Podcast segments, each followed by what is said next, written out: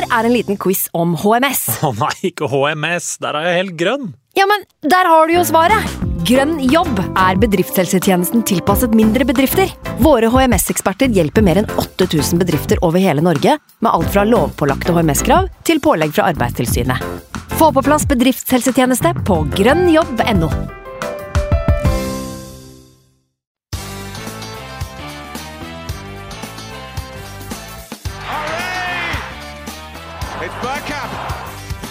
up for grabs now! The next station is Arsenal. Hei og velkommen skal du være til en splitter ny episode med Arsenal Station med Magnus Johansen og meg, Simen Goffeng. Sommerferie er jo en kjedelig greie, så her er vi jaggu meg tilbake med en liten dose Arsenal-prat i hard konkurranse med sol og varme, får man si. Det blir en del lytterspørsmål i dag. Vi skal innom eh, siste nytt fra Skottland, og selvfølgelig skal vi mot slutten høre Magnus sin faste X-spillerspalte.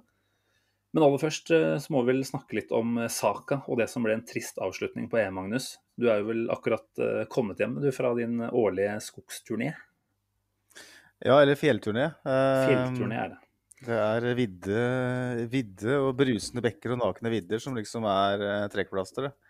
Og det er da en uke i året hvor jeg skrur av telefonen helt og ikke sjekker nyheter på ei uke. Og det er ikke mulig å gjøre det heller, for det er jo i områder hvor det ikke er mm. dekning. Mm. Uh, og det er noe av det deiligste du kan gjøre. Samtidig så havner du helt på felgen uh, når det gjelder å være oppdatert rundt Arsenal. Da. For det, selv i silly season, selv når vi føler at det ikke skjer noe som helst, så faller du litt av etter ei uke. Så vi hadde mm. en liten prat her nå, Simen, før, uh, før sendinga. Uh, hvor vi vel fant ut at jeg er ganske uh, ute av det. Jeg har oppdatert deg litt, det har jeg. Men du hadde vel et bet hadde du ikke det, med noen av disse turkameratene dine om hvor, uh, hvor mye dealer Arsenal hadde gjort før, når dere kom tilbake? Nei, vi hadde bare en enkel bet, jeg og også han ene som var med, om at vi skal prøve å finne ut finne én deal som har skjedd da, mens jeg er borte. Og han er United-fan, så han satsa på Varan til United. Jeg satsa på Lokonga til Arsenal. Og mm. ingen, ingen, fikk med seg uh, noe eh, cash eller uh, nødproviant i, i, det veddemålet. Og når jeg kom tilbake på lørdag, så hadde jo ikke den Nei, fredag, men så hadde ikke Tavares-stilen blitt uh, bekrefta heller, så det hadde ikke skjedd noe som helst. Uh, verken inn eller ut, vel, på Arsenal-fronten. så Eh, men allikevel altså, er det jo veldig mange spillere som vi spesielt skal prøve å kvitte oss med, uh, som vi skal komme inn på etter hvert. Uh, hvor vi hadde kanskje forventa at det var litt mer, litt mer aktivitet. da. Og snakka med deg nå i tre kvarter før sending, så virker det som det ikke har skjedd noe som helst. Så... Ikke, ikke, veldig mye. Ikke, vi kan komme tilbake til det etterpå, men det er klart, med tanke på at dette her er Vi sitter jo og spiller nå etter at Arsenal har spilt mot uh, Hibernian. Klart, eh, når sesongoppkjøringa da for alvor er i gang, da, så må man vel kunne si at man hadde håpa at man skulle ha kommet et lite stykke lenger, kanskje, i spillelogistikken. Men eh, vi, la oss nå i hvert fall være positive og optimistiske. Eh, og så får vi heller la pessimismen eh, øse innover oss utover høsten, når det i verste fall er, er mørke, mørke tilstander igjen. Men uh, vi må snakke om uh, EM først, da. Selv om du Jo, du fikk jo med deg finalen der, selvfølgelig. Du var tilbake i tid før det. Stemmer det. Uh, det var jo en kamp, en fotballkamp da, som man kunne lene seg tilbake og nyte, var jo, var jo tanken. vi hadde Bukayo Saka der på benken, men vi følte jo ikke at at det skulle bli så interessant med Arsenal-øyne. Eh, og det ble dessverre veldig, veldig interessant med Arsenal-øyne. Eh, og satt du igjen med en følelse av et slag i trynet, rett og slett. eh, mm. Etter straffesparkkonkurransen, hvor Bukayo Saka hva skal jeg si, ja, sto for et øyeblikk som sannsynligvis kommer til å bli huska i mange tiår framover. Mm. Så det var, det var, ikke noe hyggelig, altså, rett og slett. Ikke noe hyggelig hjemkomst fra, fra moder natur. Eh, jeg vet Nei, ikke hva du tenkte, Simen, når, eh, når eh, saka plutselig vandra frem der. Mm. Nei, jeg satt og så med en del venner og satt og var egentlig ganske chill. Med tanke på at okay, når vi kommer til å se noen fire av fem, ikke i livet at han blir satt opp som nummer fem. Og så tropper han plutselig opp der, og da var det opp og stå og ta seg til huet og rope nei. For det, det var en overbevisning som var ganske sterk der om at dette der ikke kom til å gå veien. Det er, eh, og da ikke noe negativt sagt om saka, selvfølgelig. For det, det er jo en knallhard fyr, åpenbart, som, eh, som er i det stedet i det hele tatt. da. Altså Troppe opp der som nummer fem eh, foran eh, hva er det, 70 000 fans på Wembley i en finale, det er helt sinnssykt. Mm. Eh, det er jo sånn Altså, det er kanskje litt uh, heftig å melde, men det er kanskje det heftigste straffesparket du kan ta omtrent uh, i verdenshistorien i fotball. Ja, det, er, det er så stort, det. altså. Altså Med tanke på bakteppet.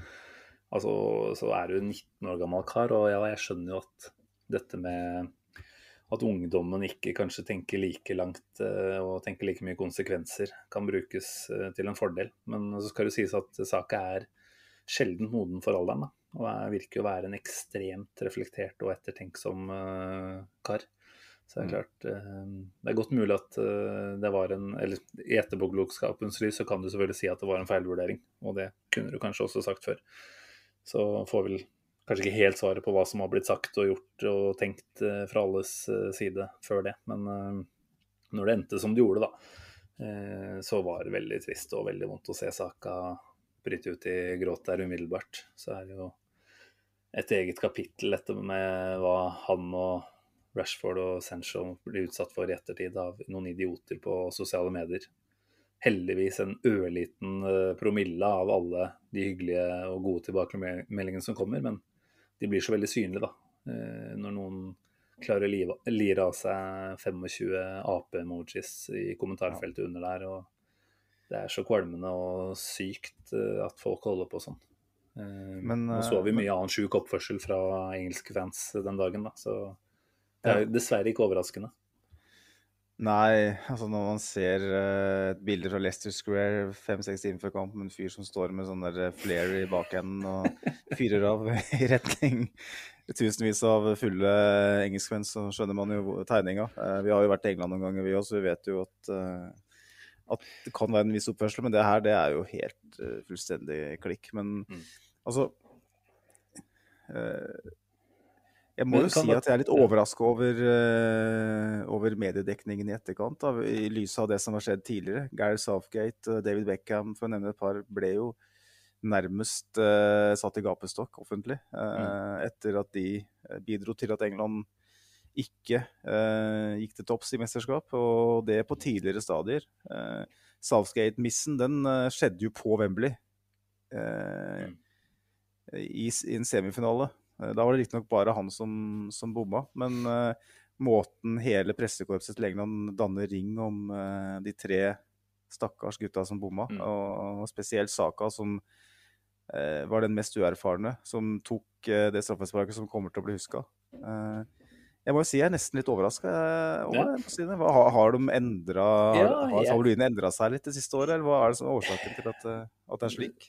Det virker jo litt som at altså, tabloiden, ja, den drives jo selvfølgelig av eh, pengegriske karer på toppen som vil ha mest mulig salg og provosere mest mulig. Men det er jo også en utvikling på individnivå der, da, hvor journalistene blir ja, har andre typer fokusområder. Og jeg tror også at altså, både det, i tillegg til at Southgate har jo hatt en veldig god kommunikasjon i hele sin landslagskarriere med media. Eh, Det har vært mye fokus på dette med mental helse. Jeg tenker at eh, terskelen for å på en måte man klarer å se en ganske tydelig sammenheng mellom gapestokken og det å slite potensielt da, psykisk. Eh, Mm. Jeg tror man har litt mer respekt for det, rett og slett. Og så er det rett og slett som man har opplevd det, man, det du nevner her tidligere, da, og man ser at det ikke nødvendigvis uh, førte noe vei, det heller. Uh, det er vel kanskje et håp om at uh, det å prøve å bygge opp framfor å bryte ned kan høste frukter igjen også, hvis man skal se litt sånn kynisk på det. At eh, her er det et nytt mesterskap om bare halvannet år. Jeg tenker at bruker man flere måneder nå på å hakke løs på spillere og virkelig grave de sårene som er der eh, dypere og større, så, så får man en dårligere inngang mot neste mesterskap. Da. Så jeg vet ikke hva de tenker, men jeg, Jeg liker jo heldigvis den eh, vinkelen som har vært i media. Til og med var det The Sun eller eh, om det var eh, Daily Mail hadde jo en ganske ålreit eh, bakside dagen derpå. Så en utvikling på et eller annet eh, vis, det har det absolutt vært. Og det går jo litt inn på spørsmålet fra Vegard Tønder Pettersen som kom på Twitter her. Han spør jo om eh, hvor mye vi tror straffemisten og hetsen i ettertid vil påvirke saka og hans fantastiske utvikling helt fram til nå. Og jeg tenker jo at den eh, Det er jo veldig klisjé å si, men jeg tror det vil gjøre han sterkere. Jeg tenker det har vært gjennom noe sånt som 19-åring, og forhåpentligvis nå, som du sier, få en backing fra omverdenen. Det gjør han jo i aller, aller høyeste grad, og så er det noen idioter, som sagt. Jeg tror at den andelen er i et så lite mindretall at det, det blir selvfølgelig ikke man, man kan jo ikke bare snu seg vekk fra det. For det å ha åpenlyst rasisme på sosiale medier, det må man jo få en reaksjon på. Men, mm. men jeg tror at eh, støtten er så unison, da, og at eh, saka er, som jeg sa tidligere, en veldig reflektert og oppegående fyr på alle måter, virker det som. Og jeg tror at det selvfølgelig kommer til å være tungt. Jeg gleder meg veldig til å se hva han melder som første post selv. Han har vel ikke åpna munnen siden han bomma. Da kan vi få et lite inntrykk av hvordan han takler dette her. Jeg tror han kommer til å det, det, første jeg tenkte var at fuck, nå må vi gi den gutten her mange måneders ferie. Han kommer til å bruke lang tid på å komme seg. Men etter å ha tenkt meg litt om, så tror jeg han kommer til å være gira som F på å komme tilbake nå og bygge videre da, på, på de to solide sesongene han har hatt. Da kommer vi inn på Ola Sandbekk sitt spørsmål òg, som lurer på når vi kan forvente Saka tilbake. Der er det vel en uh, tre ukers ferie, først og fremst. Og så vil han jo bli med på absolutt siste del av, uh, av preseason, da. Før uh, han sikkert er i troppen allerede til seriestart eller kampen etter, tenker jeg. Så viktig som han har blitt. Ja. Hvordan tror du Saka håndterer dette her framover?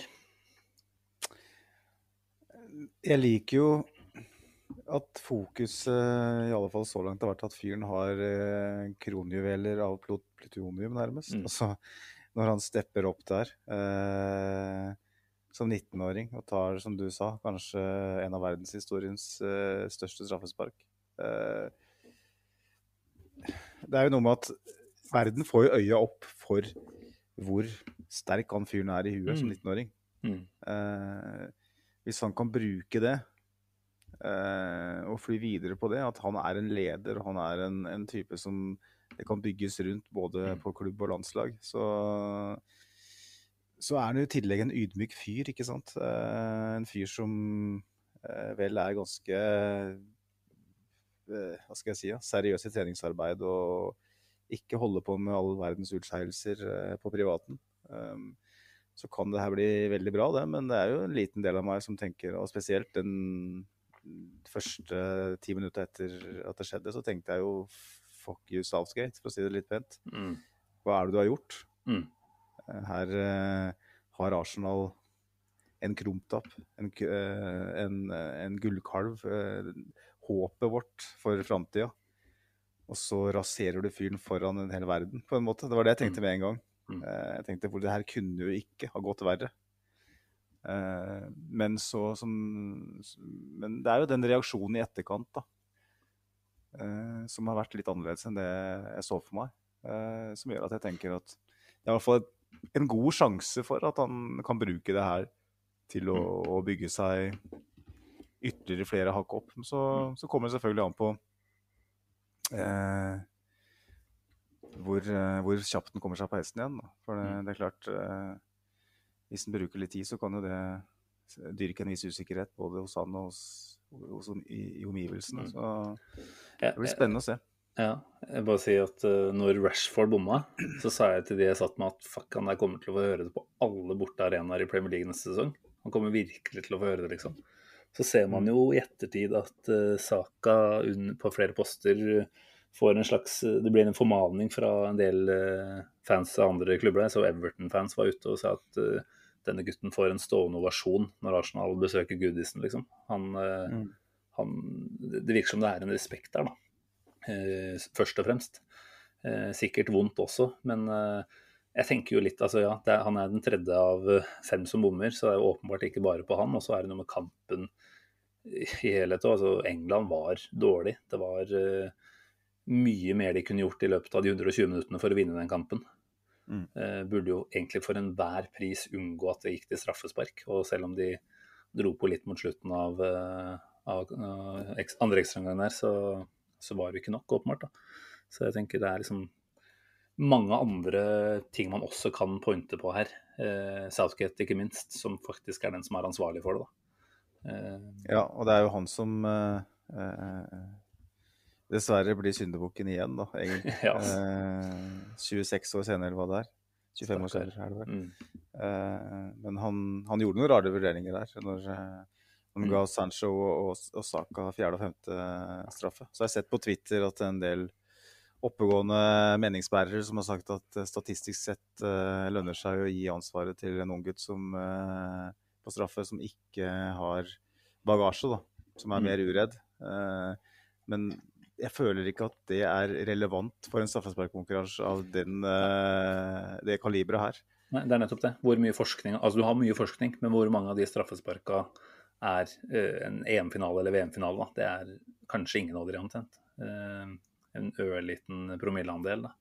Så det, er, du kan ta veldig lite ut fra det. Og han eh, Geir Jorde, en eh, idrettsforsker, eh, som vi for så vidt var litt i kontakt med angående å kunne være gjest tidligere i den poden her, men han sa jo da nei, fordi han var, var, jo på det tidspunktet, og er det vel fortsatt, en slags ikke mentaltrener, men i hvert fall oppfølging av Martin Ødegaard. Så ønska jo ikke å være, være med i poden så lenge Ødegaard var her. Så vi får se om vi kan gjøre et nytt forsøk på å få med han. Men han skrev jo mye om det her på Twitter i ettertid, og har gjort det før også. Så det er eh, egentlig bare å kaste ganske mye av eh, såkalt kunnskapsbasert forskning ut vinduet da, mm. når du står i en sånn type situasjon. Eh, de kan, det kan bli dratt helt til det ekstreme, og det kan plutselig være, ja, ikke ha, ha, noe av den betydningen lenger. Men eh, nei, vi får eh, bare si at Saka får ta seg en velfortjent ferie. Håper han kommer med noe utspill etter hvert, så vi kan høre hvordan han har det. Også, han, han, kommer sikkert til å være veldig forsiktig med å legge ut Og det er kanskje en sånn bevisst ting som man skal tenke på nå, er at det første bildet han legger ut, eller første statusen, skal ikke være at han ligger og chiller'n eh, litt sånn rikmannsaktig ved bassenget. Eh, for det er nok noe jeg tror veldig mange vil ta, ta ille opp igjen. Da. Selv om ikke vi burde kanskje la oss påvirke så mye av sånt, så, så tror jeg det er mange engelskmenn som ville opplevd det som provoserende. da. Så jeg tenker en, eh, mm. en Kall en status à la Rashford, da, som han kom etter uh, sin bom. Det, det, tenker jeg er på sin plass. Jeg håper Arsenal Det virker som de har gjort veldig mange skritt der nå for å ivareta han i etterkant. Jeg uh, håper også at den PR-biten, som tross alt er ganske viktig, da, uh, blir tatt og gjort skikkelig. Sånn at ikke han plumper uti, og det, det har jeg jo ikke noe tro på at han gjør. Men eh, det er greit å holde tunga rett i munnen på de tingene også. Ja, definitivt. Godt poeng. Mm. Men nei, vi trenger kanskje ikke å snakke masse om EM generelt. altså Grattis til Italia. Eh, det var vel eh, turneringens gjennomgående beste lag, så ikke, ikke, helt feil at de vant til slutt. Nei, det, det, er jeg helt enig i. Så da kan vi på en måte avslutte kapittelet EM og starte kapittelet preseason. Hey og etter hvert sesongen 2021-2022. Og den preseason starta jo eh, om på mange måter i dag med den første kampen mm. mot ja, Burnley. Si den, ja, begynte for et par dager siden da vi reiste til Skottland. Det var vel allerede ved avreise og liksom se hvilken tropp som reiste, at man begynte å gjøre seg opp noen tanker om hva er det vi har i vente de neste ukene her nå. Eh, kampen i dag, selvfølgelig, det kan vi jo snakke litt mer om også. Men, eh, men, aller først, hva tenker du om de navnene som satt på flyet opp til, eh, til Skottland? Eh, en god blanding av eh, A-lagsspillere og juniorer. Noen A-lagsspillere som vi vet skal være med videre. og Kanskje overraskende mange da, som vi egentlig har begynt å mentalt skille lag med allerede. Som satt på flyet. Vi kan jo nevne Sead Kolasinac, vi kan nevne William, vi kan nevne Nelson, Maitland Miles eh, Ja, noen flere òg, sikkert. Men, eh, men gjorde det Altså, man, man tar jo det man har da, på dette stadiet, når det er folk på ferie og sånt. Mm. Men hva er du vi snakka litt om det tidligere her, bekymra for at det er såpass mange som vi helst skulle ha vært foruten neste sesong, som er med i preseason? Ja, altså Når det har blitt sånn at de ikke har kommet seg videre, og de åpenbart ikke er i en situasjon hvor det nærmer seg noe, så så er det vel kanskje riktig på sett og vis å inkludere dem. Jeg tenker jo sånn som på den venstresida som du nevnte litt før sending, med Kolasinac og William, som virker ganske åpenbart at det er to spillere som klubben vil kvitte seg med, og definitivt bør kvitte seg med. Mm. Så, start, så utgjør den venstresida i den første treningskampen. Eh, men så er det litt med det at hvis man har to spillere som er med og, og, og, melker den kua såpass mye økonomisk, eh, så er kanskje ikke løsningen å, eh, å, sette dem helt ut og ikke gi dem matching. Eh, hvis du kommer til slutten av vinduet, og så er det en klubb som trenger en forsterkning ganske kjapt, som går rett inn, mm. så har du en, en William og en Kolasinac som kunne vært interessante, men de er rustne, og de trenger kanskje tre-fire uker på å komme seg matchbusiness. Eh, og det er ingen av dem som er Guds gave til eh, fotballen per nå. Eh, så jeg, jeg, ser en viss logikk i at de får spille. Mm. Det er et godt poeng, det, altså. Tenker jo at uh, jeg helst skulle bare sett de trasken rundt på London Colony de neste dagene, men, uh, men, jeg tenker du har et godt poeng der med tanke på at uh, de, de, tross alt må ha en viss form å, å, vise til for å kunne være aktuelle. Da. Så det er bare noe med at du, du tenker jo at OK, det er preseason, ja, det er første kamp, men vi øver på ting på feltet. Det er ting man ønsker at man skal ta med seg videre i, i sesongen. Da, og så sitter man der med venstresiden eh, som sannsynligvis ikke kommer til å Eller i hvert fall forhåpentligvis ikke kommer til å få veldig mange minutter de neste månedene. Så det, da føles det veldig unødvendig sånn sett. Og så tenker jeg at hvis det er de man hadde som var tilgjengelig, så, så skjønner jeg det jo. Så det var eh, for så vidt uh, greit å få kjølt ned huet mitt litt med den vurderinga di derfra. Ja, eh, nå, nå, skal jeg være såpass åpen om at jeg ikke så første omgang i dag. Eh, jeg har ermen i kermen om dagen, holdt på å si. Kjører rundt i Norge og, eh, med, på bilferie. Og rakk rett og slett ikke fram til den eh, første omgangen. Kjører kjappere? Ja, jeg må gjøre det, vet du.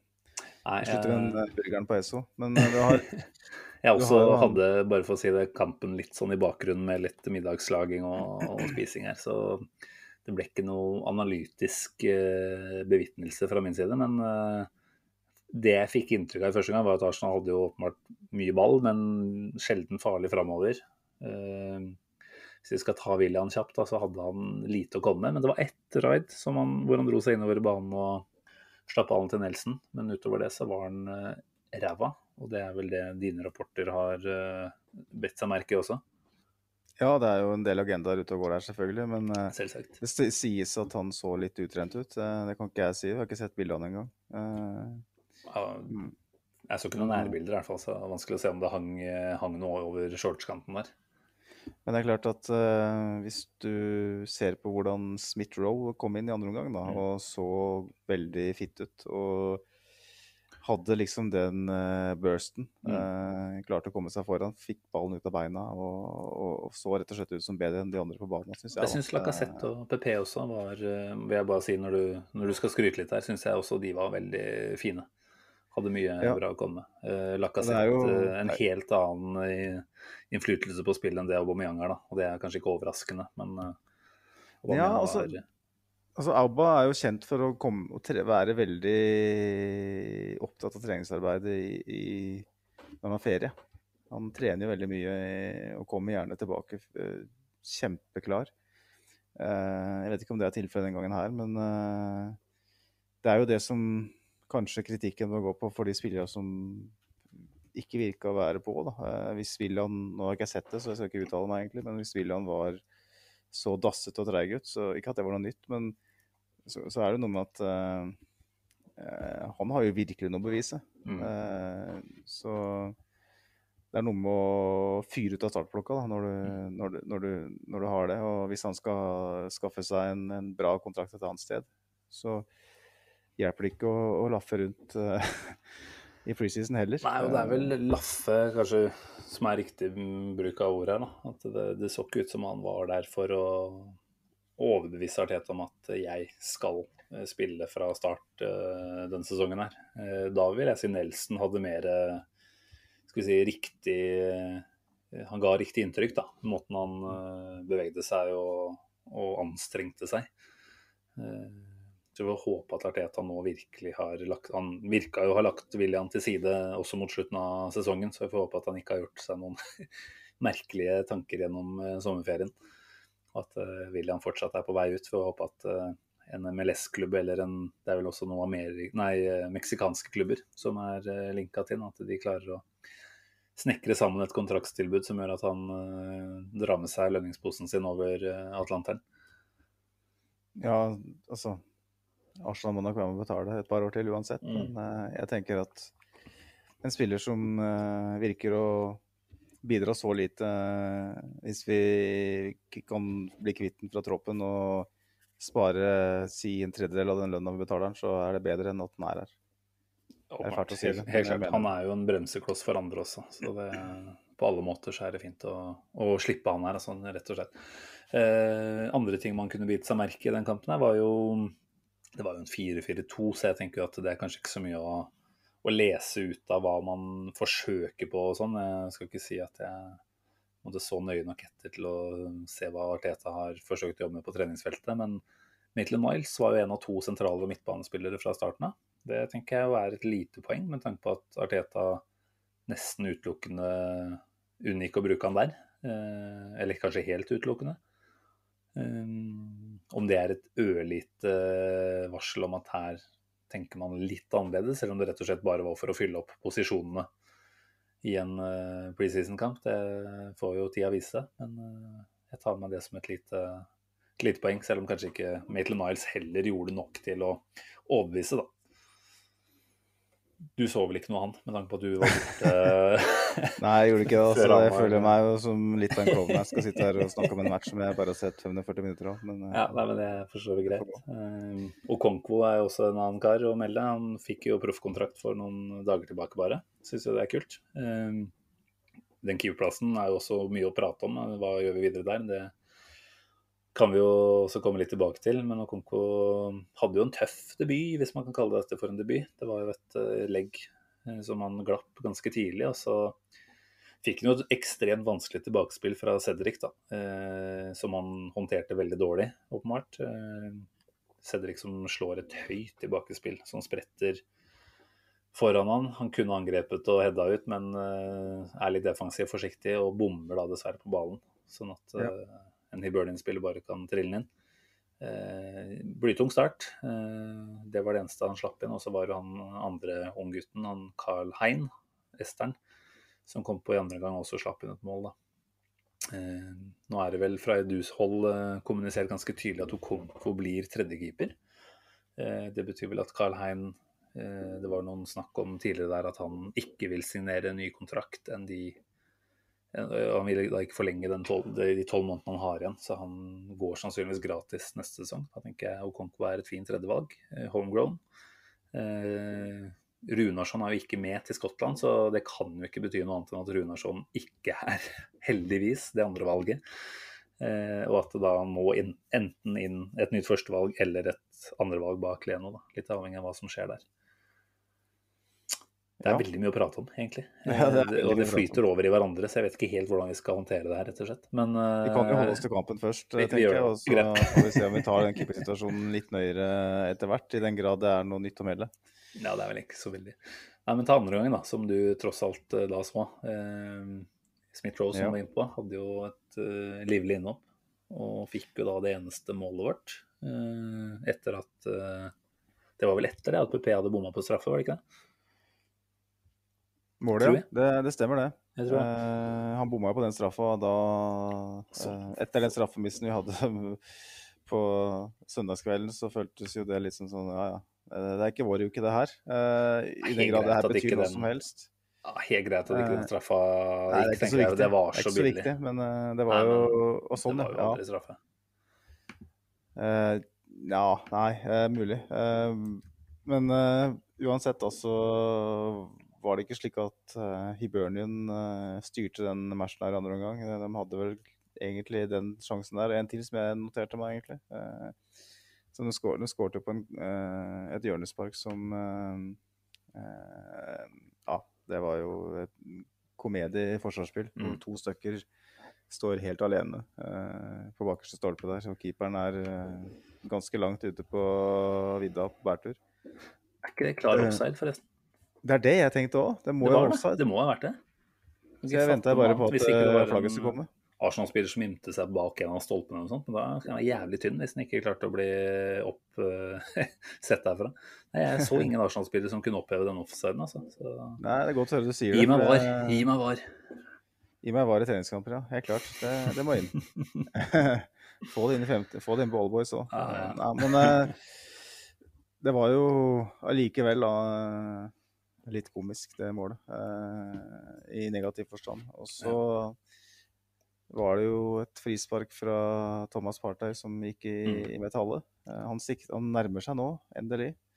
Eh, og så var det jo flere sjanser eh, som, som, hvor det kunne ha blitt mål. Balogun hadde et par, par avslutninger, så jeg føler jo at, at, at Nå så ikke første gangen, da, men andre gangen burde Arsenal vinne med et par mål.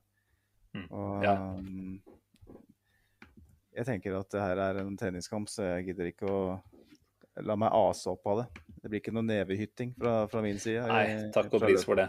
Vi har uh, nok andre ting å være opphengt i. Så treningskamper, uh, det er heldigvis verdt null og niks. Og i hvert fall med den inngangen til dette her, hvor det er sannsynligvis noen ganske tøffe treningsrunder i, i beina deres. Da. Og de det blir jo bare altså jeg, jeg, vet ikke noe om Hibernian til å si om dette var et lag som på en måte var noe av det sterkeste de kunne stille. Men eh, de kom på tredjeplass i Premier League i Skottland i fjor. Skal være med i Conference League, så per def da, et europalag, noe vi ikke er. Jeg tenker at eh, selvfølgelig så vil vi jo like å tro at Arsenal uh, er et langt bedre lag, men med de forutsetningene her så klarer man egentlig ikke å bry seg. Det er synd at man kanskje ikke får se en skåring eller to til. At ikke en Ketia f.eks. setter den tidlige der, da. Eh, hvor han uh, skyter åpen, nei, utenfor, uh, alene med keeper. Det, det, er jo litt skuffende. Men uh, ikke noe nevehytting der, Magnus. Det, det syns jeg er godt. Du må passe på blodtrykket ditt. ja, det Skal jeg slutte nok, å referanser til deg snart? Ja, men det blir mer aktuelt om en måneds tid. så det, det, skal vi nok få til. Men det var, ikke, det var, ikke, så mye å notere seg egentlig fra den andre omgangen uh, utover det. Jeg syns han uh, Jack Henry Francis, ja, uh, som kom inn, han unggutten, var frisk.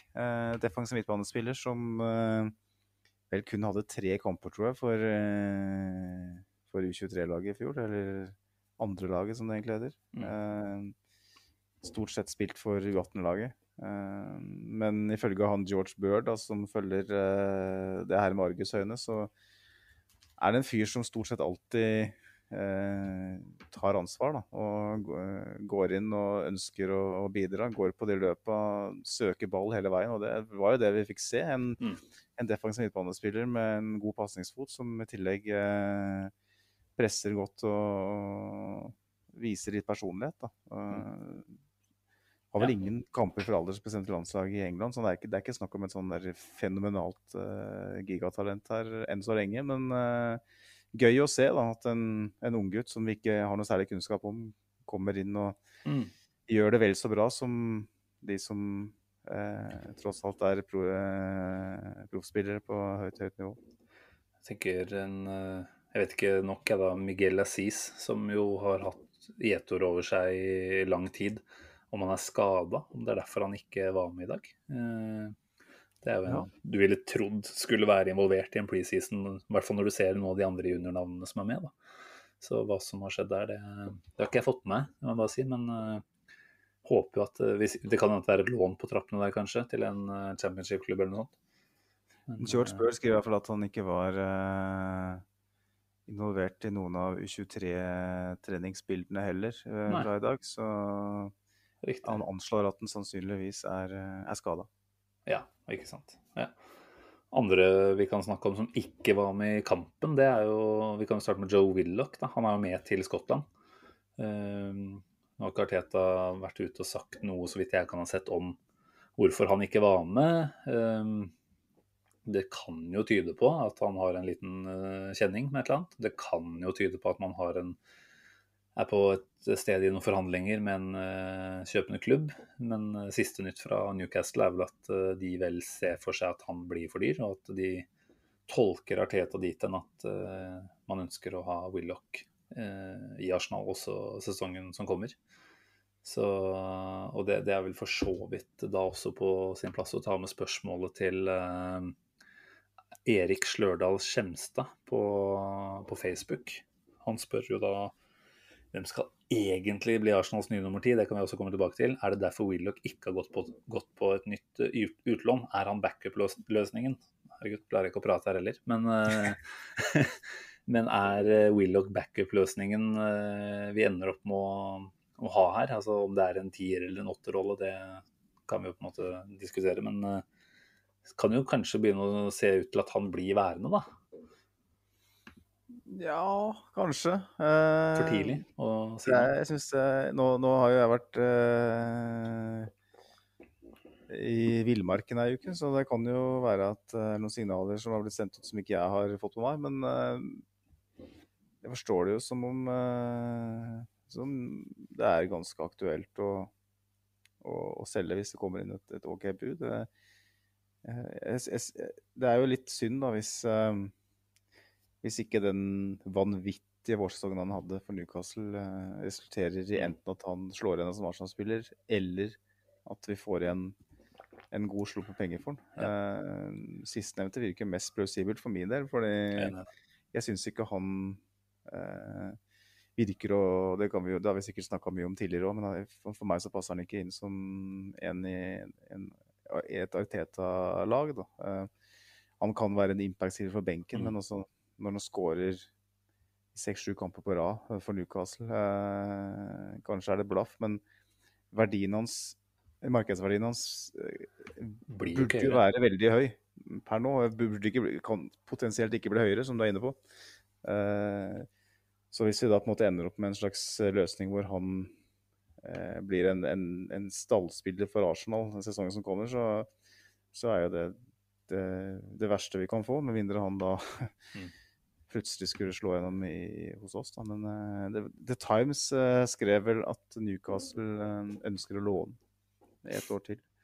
Og det mener jeg det kan du bare drite i. Ja, I så fall må det være en obligasjon der på, mm. på, kjøp, på en ganske betydelig sum. Jeg tenker minimum 25 millioner pund for en spiller som presterte såpass godt i Premier League i, i, i fjor vår. Ja. Nei, nei, ikke i fjor, men i vår, mener jeg. Ja, de tidligere rapportene for noen uker tilbake meldte vel at Arsenal kom til å kreve 35, i hvert fall. Opp mot 40, kanskje. Mm. Så, og så kan det hende man lander på rundt 30 eller noe sånt, da. Men uh, det er nok fort en deal som kan uh, ligge der og, og, være aktuell gjennom hele uh, overgangsvinduet. Som kanskje kommer i havn på slutten. tenker utenlandske klubber de skal få litt mer forståelse når det kommer til dette med at de ikke har penger, rett og slett. Men uh, Newcastle, som har uh, samme TV-deal omtrent som Arsenal, de har jo pengene. Hun er bare villig til holdt jeg på sist Steve Bruce, han har sikkert lyst til å bruke det. Men Mike Ashley er vel fortsatt som regjerer der. Så jeg, så jeg tenker at det er han det står på der. Og jeg mistenker at det er noen Jordies som kommer til å mm, blir noe tissig utover uh, sommeren hvis, uh, hvis, det ikke kommer inn noen spillere der. Da kan det hende at Will og Candy roper høyt etter. Og de stygge draktene de har fått nå i år òg, så tenker jeg det er mye misnøye allerede der oppe. Ja, det, det, det, har jeg ikke sett. Det er drygt nytt drakt, draktleverandør som jeg aldri har sett før. Og de, de traff vel ikke akkurat 100 Uh, okay. Har de fjerna stripen, eller? Nei, det var, noen strip. det var en sånn variant. Det ligna vel på noe de hadde for en 10-12 år tilbake, eller noe sånt, men uh, jeg likte den ikke i det hele tatt.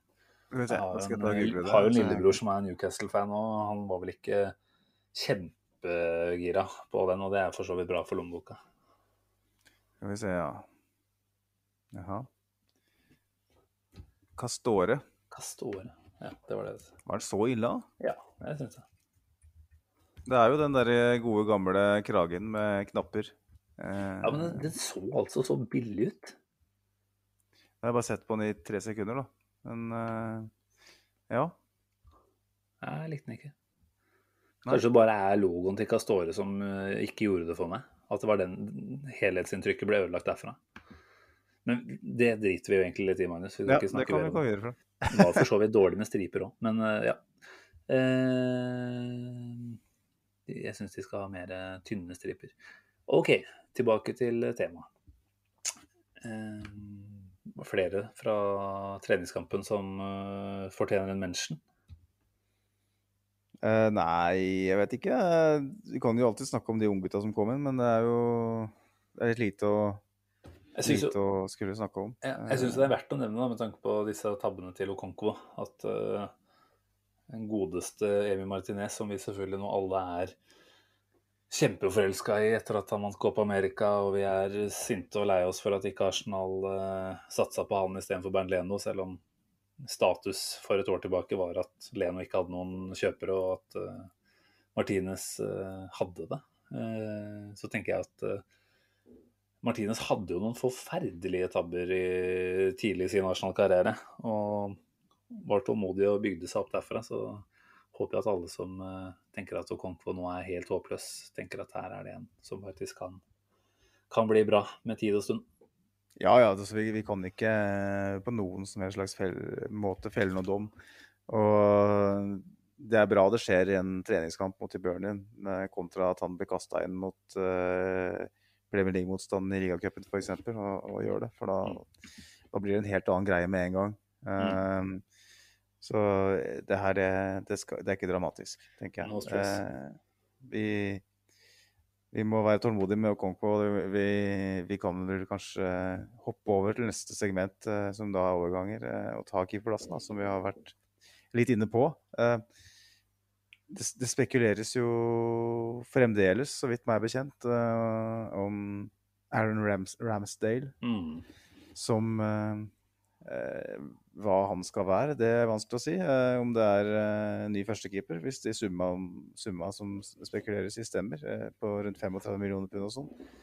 Som er helt sykt i mine, mine ører. Eh, eller om han skal Eller om vi lykkes å få ham for en billigere penge, og at han skal inn bak Leno. For det er jo helt åpenbart at det må komme inn en keeper.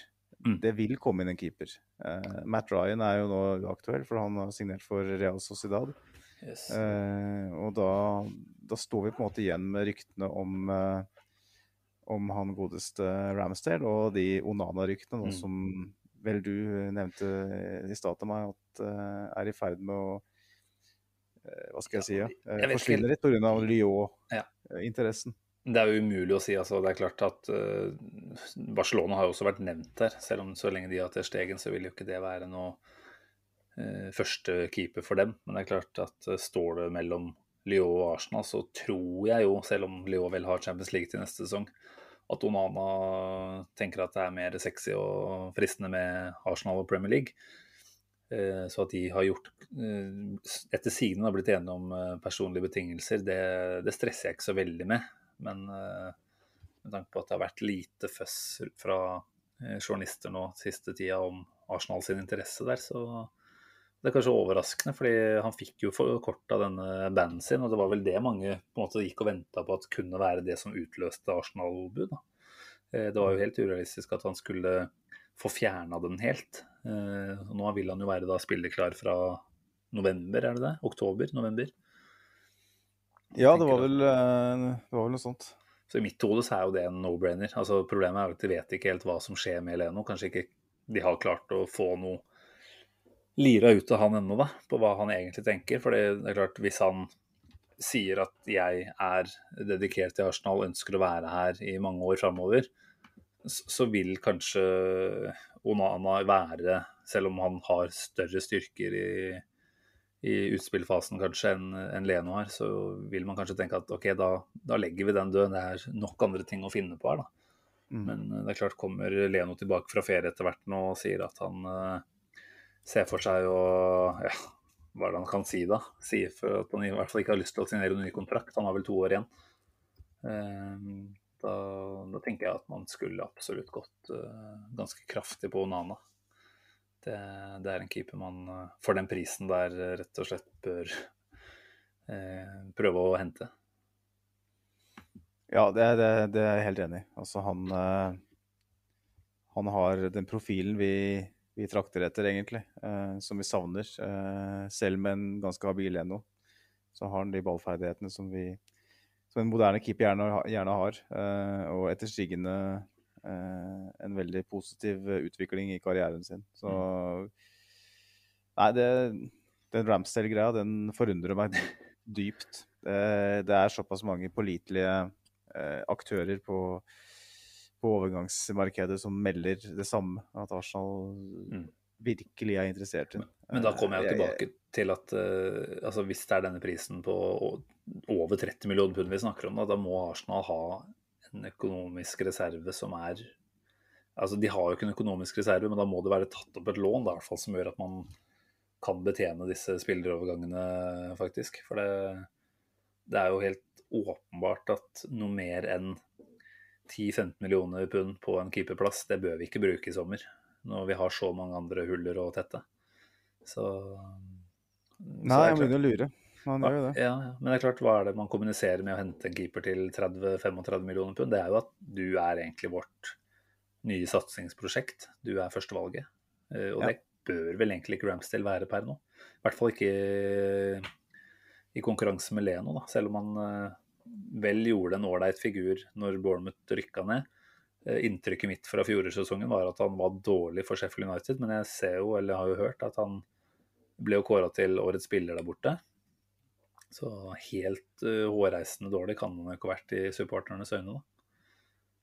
Så, nei. Uh, nei, jeg er veldig spent på hva vi gjør der. Jeg håper ikke at den står uh, øverst på prioriteringslista. Og det er vel der mitt Q til å komme med neste lytterspørsmål fra Thomas Leirdal. For han skriver at nå som vi nesten har fått tak i tre nye spillere, lister opp da Tavares, Lokonga og White. Litt tidlig ute der, men vi, holder med deg. Jeg tror de tre er rett rundt hjørnet alle sammen, ja. Eh, altså White som den mest usannsynlige per nå, da, men den ser vel ut til å bli dratt i land. Han spør hvem er neste brikke inn. Uh, Ramsdale har vi snakka litt om. Jeg tror ikke det er neste brikke inn. Hvem mener du bør være neste brikke inn, Magnus, for uh, å ta dette her i riktig rekkefølge? Ja, altså hvem er jo litt vanskelig å svare på. Uh, det er heller hva slags type spillere vi trenger, og da Det er klart En keeper bør jo rage ganske høyt på den lista. Eh, fordi at per nå så, så har vi jo ikke noe andre valg. Eh, så det, det, må, det, det, er en ting som må fikses. Mm. Eh, og, og, og, sånne prekære behov bør jo tas først, egentlig. Men eh, når det gjelder ting som kanskje tar litt lengre tid å jobbe med, så type kaliber av spiller da, vi trenger, så er det vel en, en offensiv midtbanespiller som blir en slags erstatter for, for Martin Ødegaard, for så vidt. Som per nå ser ja, nesten helt usannsynlig ut. Uh, og da, da er det jo James Madison da, som er hyppigst nevnt. Og du har jo han uh, AFC Bell på Twitter og sånn som Mm. uh, helt åpenbart sitter på, på gode kilder. Eh, og beviste et par ganger, spesielt med Thomas Partey i fjor sommer. Og så kan det selvfølgelig være at, at, han prøver å bare seile videre på det med litt dårligere kilder. Det vet vi ikke. Men uh, det er flere også som melder om den interessen for Madison. Uh, selv er jeg litt usikker på om det er verdt å betale. Maguire-penger for, for, mm. Madison. Og da begynner jeg å lure på hva Anna kan du få for for de penga. Ja, for det snakkes jo om 70 millioner pund, vel, gjør det ikke det? Eller at det er i hvert fall der Leicester kommer til å legge lista. Er, ja. Ja. Vi, vi snakka en del om Madison i en tidligere episode for en par ganger tilbake, vel, og så vel at tallene hans var ca. 8 pluss 8 de siste sesongene. 7 pluss 7. Eh, mm. Spilt rundt 30 kamper, så han er jo ikke så skadeutsatt som man kanskje har fått litt inntrykk av i det siste, da. Men eh, men jeg ser jo at det er en, Igjen, hvis det er sånn at det er ubegrensa midler, så kjør på, da. Men uh, det føles eh, litt ukritisk å skulle bruke så mye penger. Jeg klarer liksom ikke helt å bli enig med meg selv om hva jeg vil vil det eller ikke. Altså 70 millioner, da hva er det du kan få? Du får jo en Sandshow. De, de trenger jo ikke en Sandshow. Men Nei, og igjen, hva, hva, er det som er der ute? Hosema var til 17 millioner pund, som det snakkes om. Det er jo en brøkdel, bare. Bortimot risikofritt i forhold. Mm. Uh, så, så, er det jo en gang slik da, at uh, ja, han koster 70 millioner pund, og kanskje så, kost, så koster Jaden Sancho noe i nærheten av det samme, men så er det heller ikke slik at Jaden Sancho ville tenkt, vurdert å, å, å, signere for Arsenal. Uh, litt, Jack Grealish òg, ikke sant. Hvorfor, hvorfor går det ikke bare for Grealish, liksom, hvis du har de, de mm. penga? Men altså Jeg tipper at Jack Grealish uh, heller vil til Manchester City, da. Hvis ja. de, uh, ja, visst, så naive kan vi ikke være. Uh, at, vi, at, vi, tror at så lenge vi har penga, så kan vi få hvem som helst. Arsenal per nå er et, en fotballklubb som ikke spiller i europeiske turneringer i kommende sesong, og ikke spilt i Champions League på er det fire eller fem år. En, en, klubb som har fått et rykte på å gjør mye rart mm. og ikke få ut potensialet sitt. Så jeg tenker at Madison er en spiller som ikke får, vil få et tilbud fra Chelsea, United eller Manchester City. Da. Eh, og da er Arsenal kanskje det eneste steget opp han kan gjøre da, eh, per nå.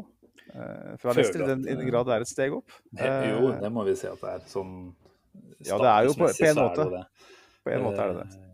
Eh, men jeg, men jeg, vil jo si at det er noe arsenalsk over Madison, føler jeg. Så det er godt mulig at den matchen kan bli ganske god, altså. Men eh, nei, jeg er skeptisk eh, også fordi man selvfølgelig nå i disse dager sitter og venter da på denne Smith-Roe-forlengingen, som jeg er helt sikker på at kommer. Jeg har ikke vært særlig bekymra egentlig for Aston Villa sine små forsøk der.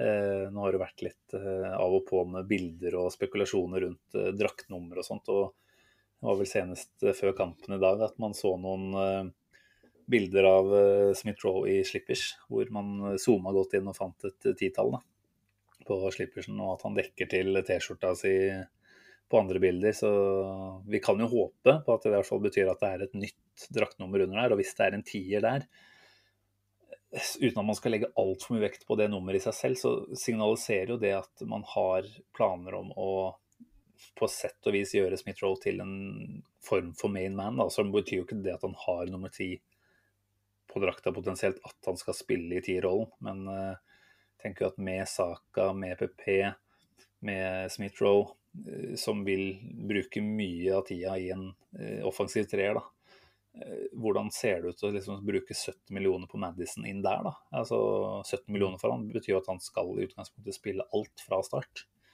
Eh, det, det, føles kanskje litt sånn overkill sånn sett også, da. Selv om jeg ikke er i Jeg er jo ikke i tvil om at vi må ha noen til å dele litt på byrdene der framme. Men eh, det, det, Men det er klart at PP, PP har vel aldri egentlig vært Artetas kopp te, sånn sett mm, utenfra. Nei, ikke over lengre tid. Men når, at eh, Når Ødegaard, uh, Smith-Roe og, og, og, Saka var fit, og, så, så, var det de tre som starta. Ja, det kan ha skjedd noe, selvfølgelig. Uh, han hadde jo en veldig sterk sesongavslutning i, i, i foregående sesong og sånne mm. ting, men vi, vi, må jo, uavhengig av hva, hva vi mener om de spillerne, vi er nødt til å få tak i en kreatør ja. som skaper, eh, skaper målsjanser. En, en, rett og slett en game changer, på sett og vis. Jo, og ikke legge all den byrden på, på Smith-Roe. Vi, vi, vi snakka jo om for noen episoder siden at hva velger vi hvis vi får velge mellom Madison og Ødegaard osv. Mm. Uh, vi kommer fram til at Madison uh, var den vi ville gått for, uh, hvis vi ikke tenkte på pris. Yes, stemmer det. Og, for det er jo en, en spiller med med Premier League-erfaring. Og det virker som det er det som er mantraet til Arsenal denne sommeren, sommeren her. De mm. går for Ben White, som har eh, har riktignok bare spilt én sesong i, i, Premier League, men eh, Arsenal går og banker 50 millioner pund i mm. bordet, hvis det er det som stemmer, mm. til Brighton. Uh, er villig til å betale kanskje mer enn det for, for James Madison. Det er snakk om å ja, du... eh, det, det, det, er jo litt den der samme kategorien som vi men på en annen måte, som vi har sett fra Arsenal. At det er en, man ønsker å løse ting ganske kjapt her. Selv om det er unge, selv om Ben White er ung osv. Så, videre, så det er ikke snakk om at vi skal utvikle en spiller i et par år. Det, han skal rett inn, og det Mm. skal presteres fra, fra dag én. Og vi skal tilbake topp fire eh, så fort som det er mulig. Eh, og, og da eh, Hvis man klarer det, så, så er det jo riktig. Men yeah. hvis man ikke klarer det, så, så er det så store, store summer det er snakk om. Da, at da hadde det kanskje vært bedre å, å kjøpte en på hylla under og la, la den spilleren utvikle seg. ikke sant? Så, Mm. Og så og så er det klart at i, i forhold til en eh, Madison så skal du jo kanskje heller ikke undervurdere det elementet av vi, altså inspirasjon da en klubb og et lag og en supporterskare får ved en sånn ordentlig Det er kanskje ikke den, det ordentlig ordentlig toppnivået en Madison befinner seg på, men på hylla like under, i hvert fall. Og jeg tenker at han er en stjernespiller i Arsenal-status per i dag. Eh, og at det på en måte ville vært med å løfte eh, kall det energinivået og stemninga enda litt mer, som jo har en egenverdi eh, inn mot en ny sesong. Altså det å ha store navn og også kvalitativt, kvalitativt store spillere på treningsfeltet, da. Det gjør jo noe med resten av gjengen òg. Og det er klart å få den inspirasjonskilden der, den føler jeg kanskje kunne hatt en, eh, en verdi i seg selv, da. Så Ja. det er dyrt, men eh, ja. Er... Jeg føler jo Arsenal har gått for den løsningen en del ganger nå de siste åra. Eh, Lacassette, Aubameyang, eh, Thomas Partey, Nicolas Pepe.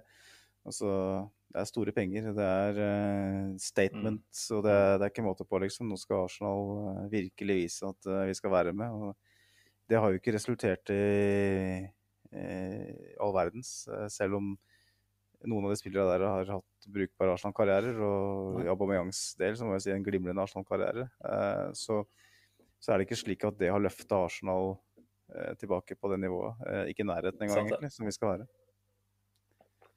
Nei, det er jo klart eh, Noen av de har vel heller vært motsatt. Altså Med en så stor pengesum så har de rett og slett vært en skuffelse når de har dukka opp og vist at de ikke var like fantastiske som man kanskje kunne håpa på ut ifra pengene som ble brukt. da. Ja. eh, ser vi har fått et spørsmål fra eh, Arctic Gunner på òg. Andreas eh, i podden oppe i nord. Han eh, spør rett og slett om hvem vi tror blir den første til å forlate skuta permanent. Eh, nå har det vært noen eh, overganger. Gundosi som går på lån med det er vel en obligation, altså et uh, krav da, om at uh, Marseille kjøper han til neste år. På er en er det en 8-10 millioner pund. Mavropanos gikk ut i Stuttgart med en obligation på 3 millioner til neste sommer. Så var det vel eh, senest i dag at vi så et bilde av Saliba i Marseille, hvor det ikke er snakk om et, eh, et framtidig kjøp, kun et rent utlån. Mm. Eh, Han vil jo da for øvrig ha to år igjen av eh, kontrakten når eh, han er tilbake neste sommer. Uh, Ifølge David Ornstein så skulle det vel ikke ha vært noe snakk om en kontraktsforlenging forlenging, eh, til nå.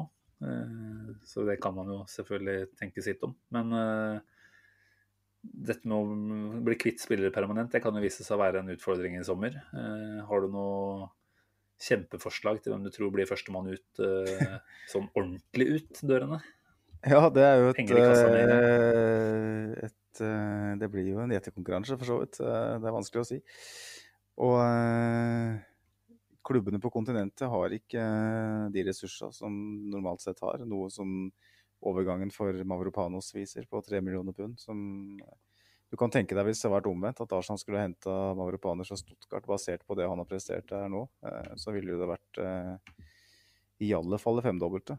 Kanskje mer enn det Stuttgart eh, betaler Arsenal. Eh, Så det sier litt om situasjonen. Det, det skal bli vanskelig å kvitte seg med alle disse spillere som vi anser som daukjøtt. Eh, Det er kanskje litt brutalt å si, men det er, det er nå en gang sånn det, sånn det fremstilles. Førstemann ut er vel Hvis jeg skulle tippe, så er det kanskje Sjaka. Den, den overgangen til Roma den tror jeg kommer til å, havne, kom- kommer til å gå i boks. Eh, Det har holdt på, den har foregått så lenge nå, den sagaen der. og Sjaka selv har uttalt ting i media eh, som tyder på at han er innstilt på at det kommer til å skje. Eh, Arsenal leter åpenbart etter erstattere. Mm. Eh, så jeg tipper at den fort kan være nestemann også med EM er over. og og ting begynner å skje litt der.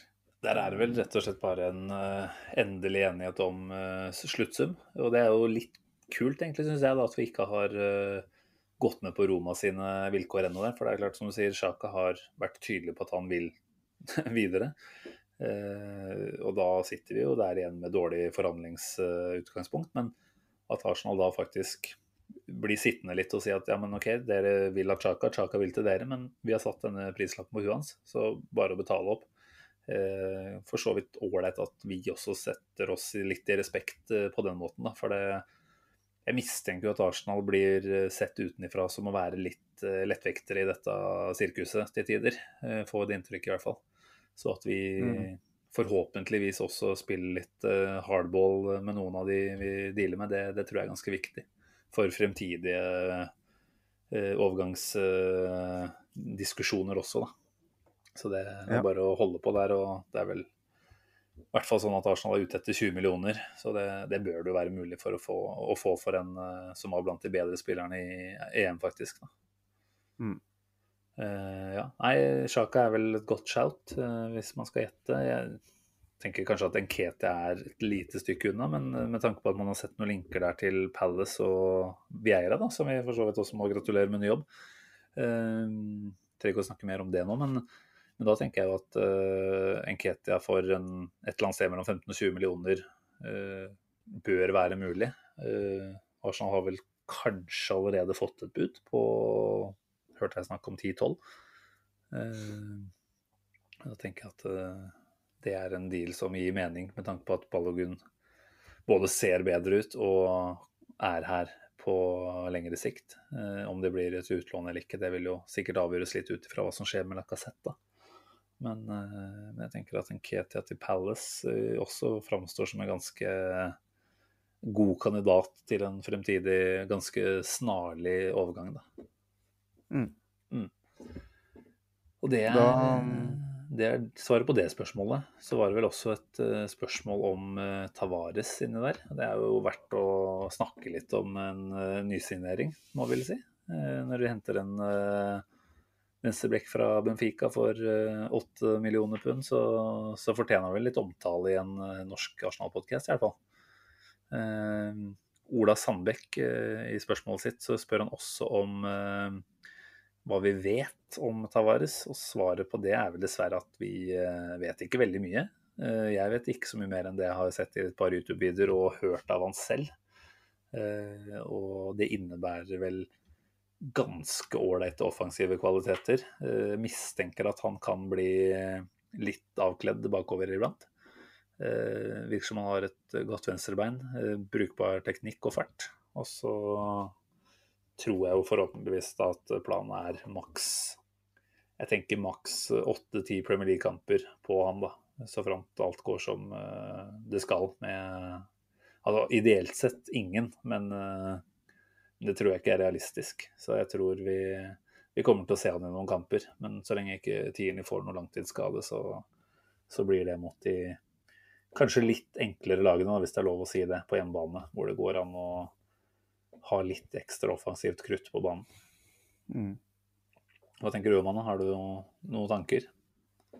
Jeg vet vel ikke så mye mer enn eh, deg der, Simen. Uh, fikk sånn André Santos, André Santos Viber, sånn sett. En venstrebekk oh. uh, som er god offensivt. Nei, jeg skal ikke jeg har, jeg har, absolutt ikke noen grunn til å si det. Uh, han ser bedre ut fysisk enn det André Santos noen gang gjorde, i hvert fall. Åpenbart. Det var egentlig bare en liten uh, vits fra min liten side. Uh, for å lette litt på stemningen etter overgangssnakket. Men um,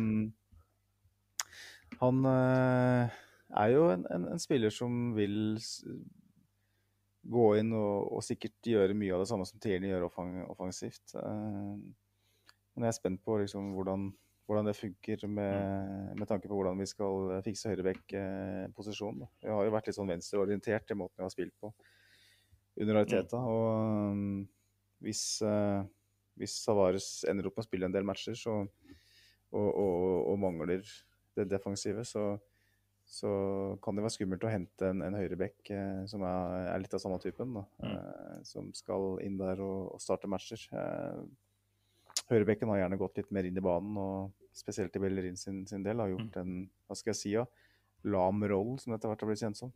Eh, som Guardiola utvikla i Bayern.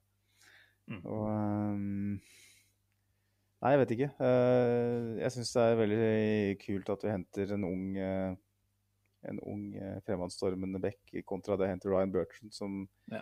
som Leicester vel har gitt var det tre pluss én-avtale til. Stemmer det? Jeg hørte i hvert fall tre. Jeg vet ikke om det pluss én eh, var eh, Ja, jeg vet ikke hvordan Det er jo men jeg- helt eh, gale, Mathias, i mine øyne. Han er jo 32, var han ikke det? Ja, Så er han blekk. Og det, det jeg tenker er eh, betryggende, da, altså uten at man kan si altfor mye om spilleren Tavares, er det jo alder og hvilken klubb han kommer fra, uh, summen.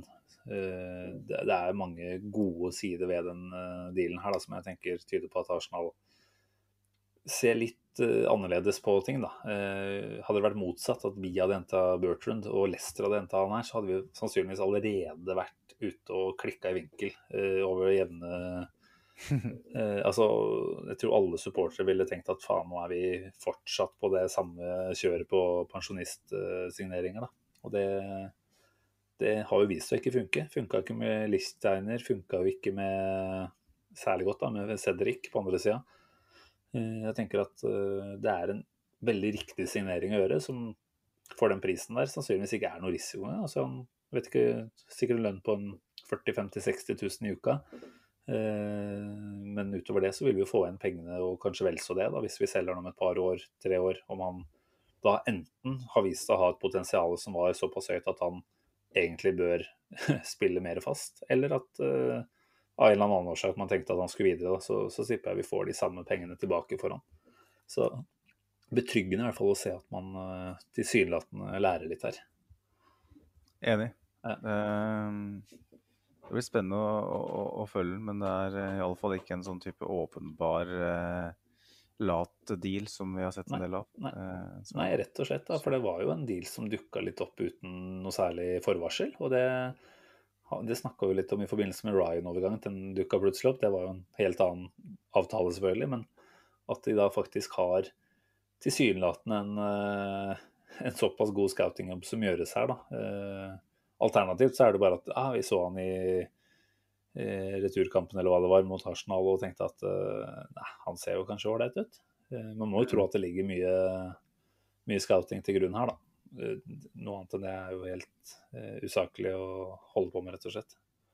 Så Ja. nei, jeg tenker det her er et uh, ordentlig, ordentlig pluss i min bok, i hvert fall. Så var det jo litt merkelig kanskje at vi ikke fikk se han involvert i dag, som gjorde at Colas selv spilte nesten hele matchen.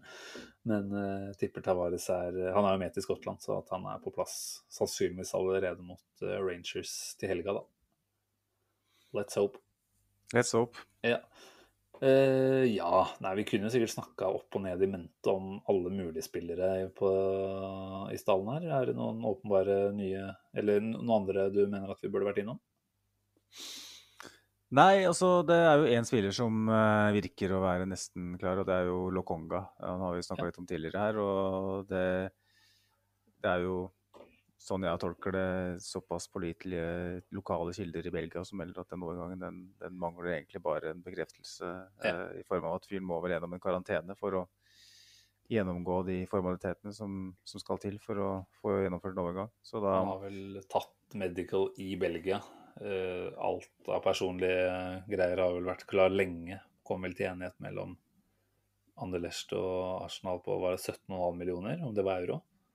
Eh, anselig pengesum, for så vidt. Eh, men det tyder jo også på at det er et stort potensial her, det kan vi håpe.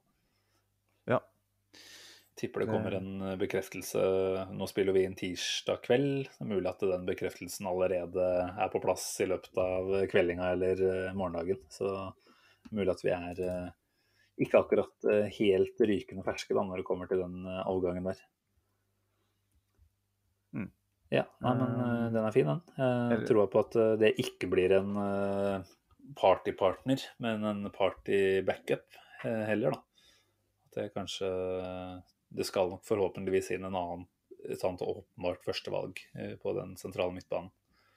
At Lokonga er en mann for framtida, først og fremst. Men klart forventer nok at en som allerede har vært kaptein på Anderlecht og hatt et par sesonger med A-laget der, kan komme inn og gjøre en, en relativt god jobb eh, allerede fra sesongen som kommer nå, da. Ja. Og nå er, det jo, er det jo sånn at vi har eh, hele resten av sommeren eh, fram mot sesongstart, og jeg vil helt sikkert anta etter sesongstart og fram mot overgangsvindusslutt, hvor vi kan sitte og spekulere og banne og lovprise eh, i forbindelse med overganger. Sånn at, sånn at liksom eh, Vi trenger ikke å ta alle, alle ryktene i dag. Nei. det er ganske mange etter hvert. Så det er jo det er jo det eneste som vi har snakka litt om, så handler det egentlig om at vi, vi bare må håpe at, eh, at det begynner å skje litt mer snart. fordi at det er bare en måned igjen til sesongstart. det er det. Ja, En ting er at overgangsvinduet er oppe lenger, men det er jo først og fremst til sesongstart vi ønsker å være klare. da, så At så mye som mulig skjer i løpet av de neste par ukene, og det, det håper jeg virkelig. Jeg ser Arteta var ute og snakka litt etter kampen i dag. og når det kommer til overganger, så sier han litt sånn standard svar kanskje, at vi har på plass én eh, fram til nå, og vi er veldig fornøyd med det. Eh, Vi vil eh, jobbe med de spillerne vi har, forsøke å gjøre dem bedre og compete as well as we can. Veldig generelt og litt vel av målt svar, tenker jeg. Jeg skulle ønske at det var litt mer, men får vel heller tro at han er forsiktig med å melde for mye, da. Og at han vet at det er mer, eh, mer action bak, eh, bak eh, teppet enn det, det han gir inntrykk av her, kanskje. Ja, og det er jo meningsløst å liksom skulle avskilte eh, troppen. eh, når man Det har han gjort før. Kan, det har han gjort før, og det var egentlig meningsløst. Men Ja. man, man, man vet jo ikke. Det kan jo være at, at klimaet er så vanskelig nå at vi, vi havner i en situasjon hvor vi kanskje må sette vår lit til eh, at flere av de spillere vi ikke har lyst til å se i klubben, må, må være våre bærebjelker, på sett og vis. Det, det, det er jo brutalt, men altså, sånn er det. Det er ikke sånn eh, puter under arma-greie som vi har eh, i barndommen i et i-land, hvor du sier at men vi fikser det, det ordner seg, liksom. Det er ikke Det er et kaldt og rått klima der, og får man ikke gjort ting, så må man bare bruke det man har. Eh, kanskje, er, eh, nå, kanskje er William Arsenal-spiller. Eh, Mm. 1.9. Kanskje, kanskje har vi har vi en Kolasinac eh, som et wingback-alternativ. ikke sant? Du vet aldri. Så Altså, vi har to backer, så han skal ikke han skal ikke spille et minutt, men at han er på utlån til en annen klubb ut sesongen, og at han går gratis neste sommer, det ser jeg dessverre på som veldig realistisk. Jeg tror ikke vi får mye hjelp på pengesekken der, altså. Dessverre. Vi får se.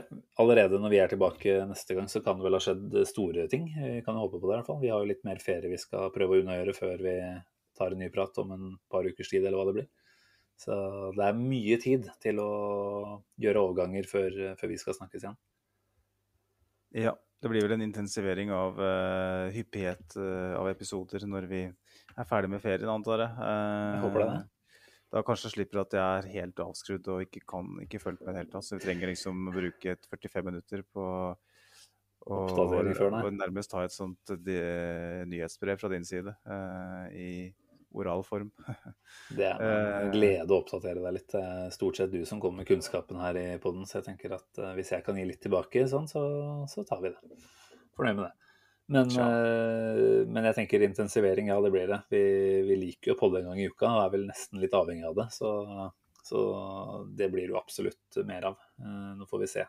Nå som det er hytteturer hit og dit og sol og sommer, så har vi tross alt andre ting vi må finne på også. Men eh, før vi slutter av helt i dag, så lovte vi vel at det skulle være et, eh, et lite eh, tilbakeblikk på en X-spiller. Eh, Nå blir det kanskje et tilbakeblikk i dobbel forstand da, i dag.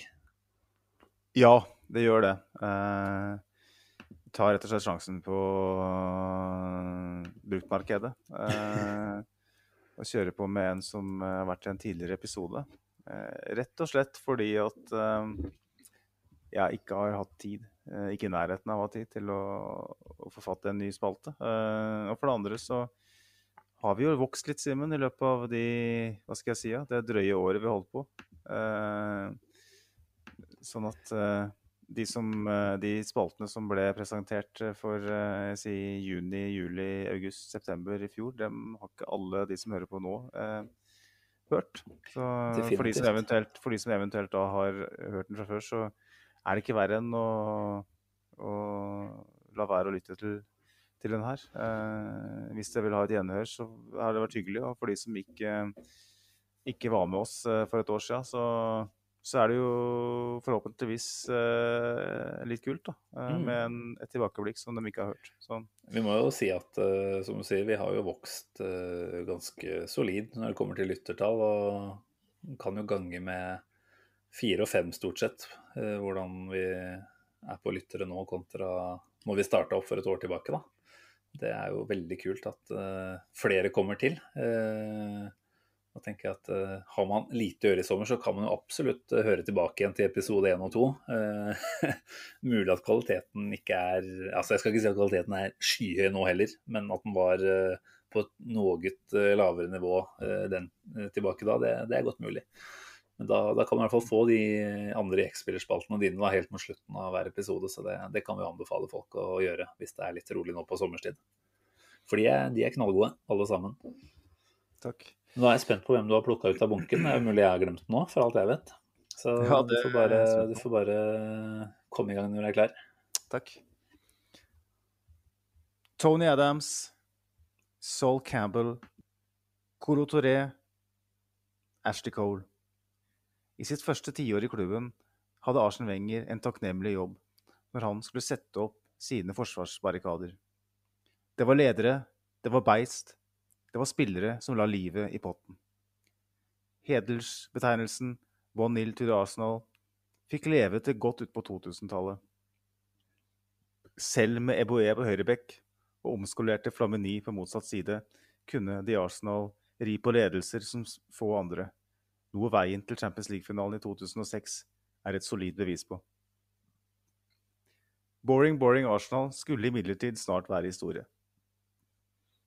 I alle, fra, I alle fall fra de argeste rivalenes perspektiv. Fryktløse gladiatorer ble gradvis byttet ut med vaklende hoffnarrer, og veien gjennom vollgravene og frem til det aller helligste ble etter hvert altfor enkel for motparten.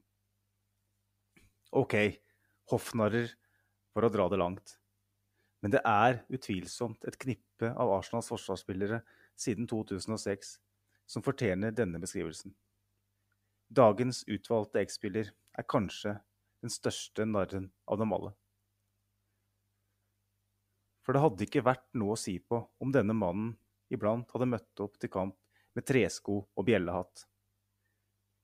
Han ble, som mange før ham og etter ham, henta inn for å bidra med sårt tiltrengt rutine og kløkt i ei forsvarsrekke som slet med å opptre som et kollektiv. Fra sin posisjon ute på bekken skulle han bidra defensivt, men også offensivt. Mens sistnevnte gikk tålelig bra, ble primæroppgaven forsvarsspill totalt neglisjert og den ukonsentrerte, men smilende nyervervelsen. Ble flere landskamper for en ikonisk fotballnasjon forventet vi uendelig mye mer. Etter 2-8 på Old Trafford forventa vi uendelig mye mer av spilleren som ble henta i kjølvannet av massakren. Vi fikk mindre. Vi fikk noen elegante raid og noen flotte skåringer. Med dertilhørende dansenummer. Men det ble beholdningen på kontoen for pluss.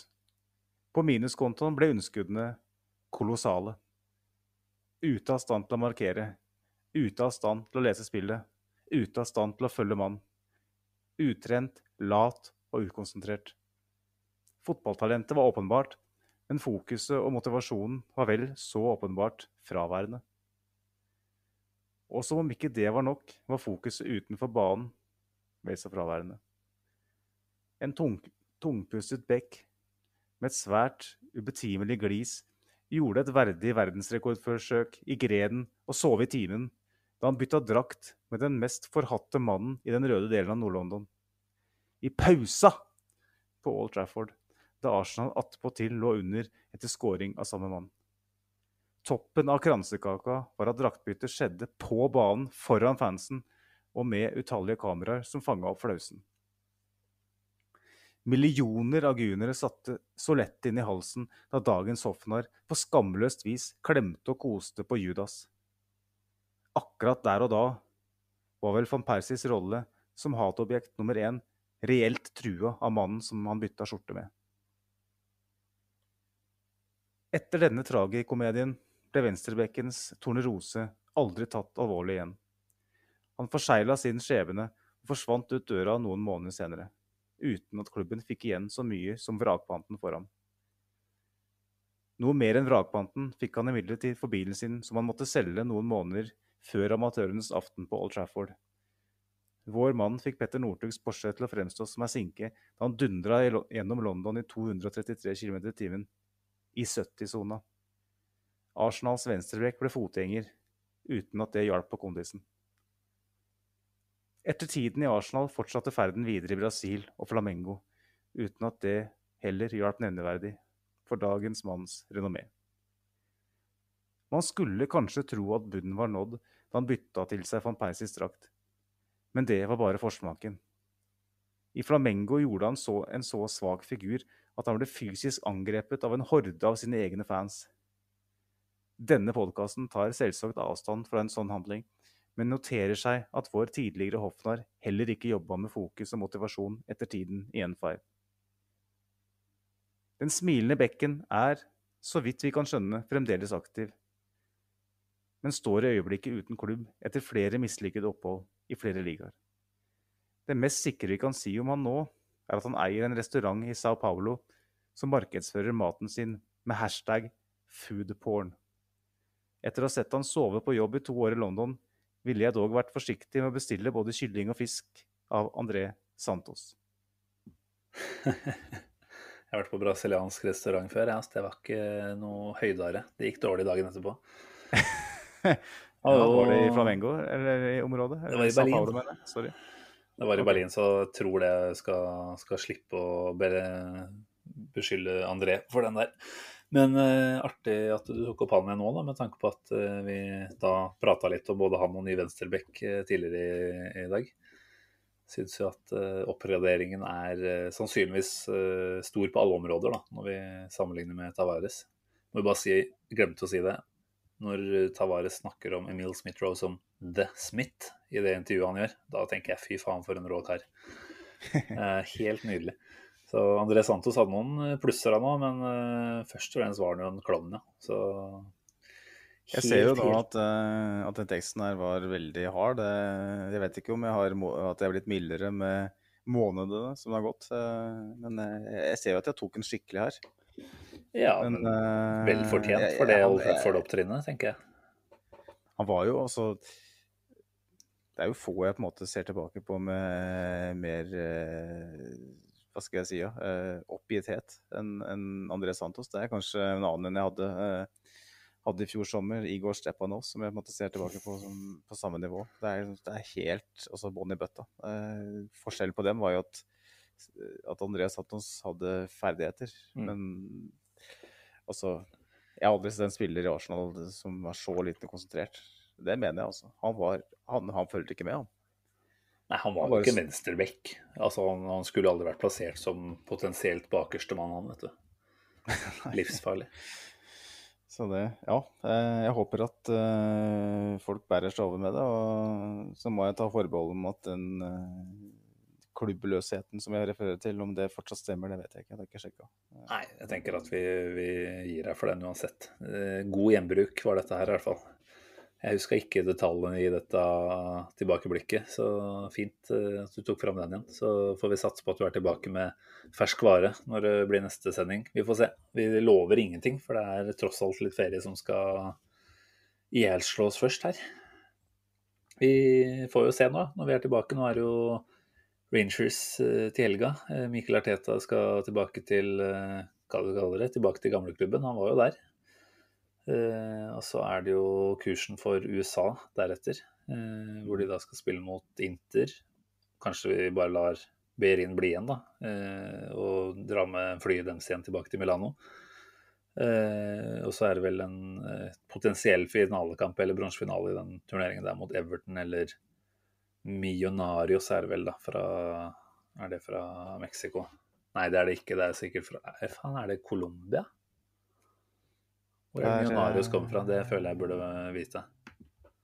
Nå, nå, føler jeg meg vel så lite oppdatert som deg, da. Men jeg, jeg, jeg, jeg, jeg vet ikke. Altså. Millionarios er fra Colombia, ja. Ok. Riktig. Men eh, poenget mitt var jo egentlig vi, vi får se når vi er tilbake med neste episode. Om det blir etter Inter eller etter Everton slash Millionarios, da. Kanskje noe sånt. Så får du fortsette å ha en eh, nydelig ferie fram mot da. Jeg vet ikke hvor eh, turen skal legge seg ned nå. Nei, det blir eh, en tur på fjellet igjen med familien. Og så skal vi selvfølgelig besøke Julius. Kristiansand, Yeah. Han lever fortsatt, altså. Den fleibre apekatten Julius skal besøkes. Så det blir jo, blir jo kult, da. Han må være 70 eller 80 år eller noe. han er jo ikke Ja, så gammel. Han, Han er, vel, eh, han er født på slutten av 70-tallet, tror jeg. Okay, Eh, jeg var jo og besøkte den for et par år siden, og da eh, Altså, fyren Det er jo ikke den Juliusen fra barne-TV, for å si sånn. Det er den Juliusen som er helt brutal. Som uh, løper og uh, dominerer og Mm. banker opp andre sjimpanser. så det, det blir kult å se, da. Jeg håper ple- pleksiglasset holder når den kommer uh, som et prosjektil mot, eh, mot horden. horden. Så er underholdning for deg, det her, og ikke dattera di. Ja, det var jo sånn sist at eh, eh, Jeg husker godt det var en barnefar som hadde sønnen sin på, på skuldra. Bare 'Sebastian, se, der er Julius!' Og så er det sånn herre 'Hvem er det?' 'Det er Julius! Se på han, det er Julius!' Nei, men det, det han ungen, han bare ja, hvem i, helvete er det, liksom?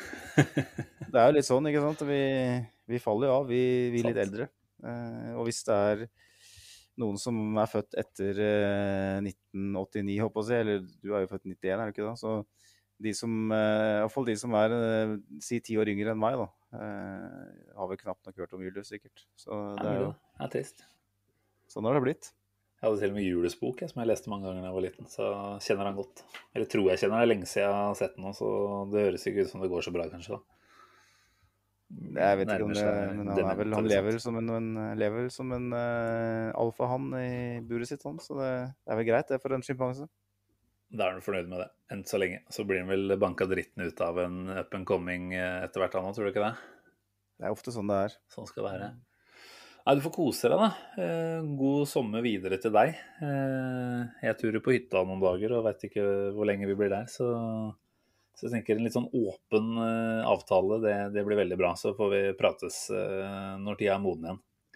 Og til alle lyttere så får vi vel også ønske fortsatt god sommer. Håper at folk mm. koser seg ute i sola eller eh, hva det nå er man gjør. Nå er det vel eh, noen Ja, tar seg vel kanskje litt opp på fotballfronten etter hvert òg, da. Etter at det der kjedelige europamesterskapet pina oss gjennom de siste ukene.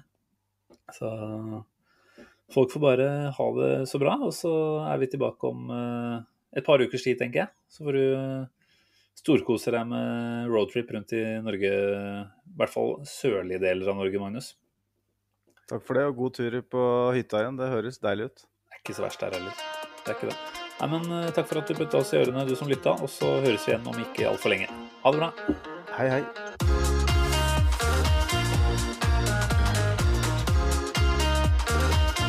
This train terminates here.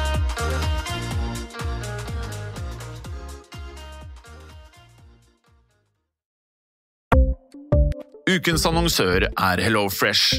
HelloFresh er verdens ledende matkasseleverandør og kan være redningen i en travel hverdag. Mange av oss har nok vandret i butikken både sultne og uten en plan for middagen, som ender med at vi går for de samme kjedelige rettene gang på gang.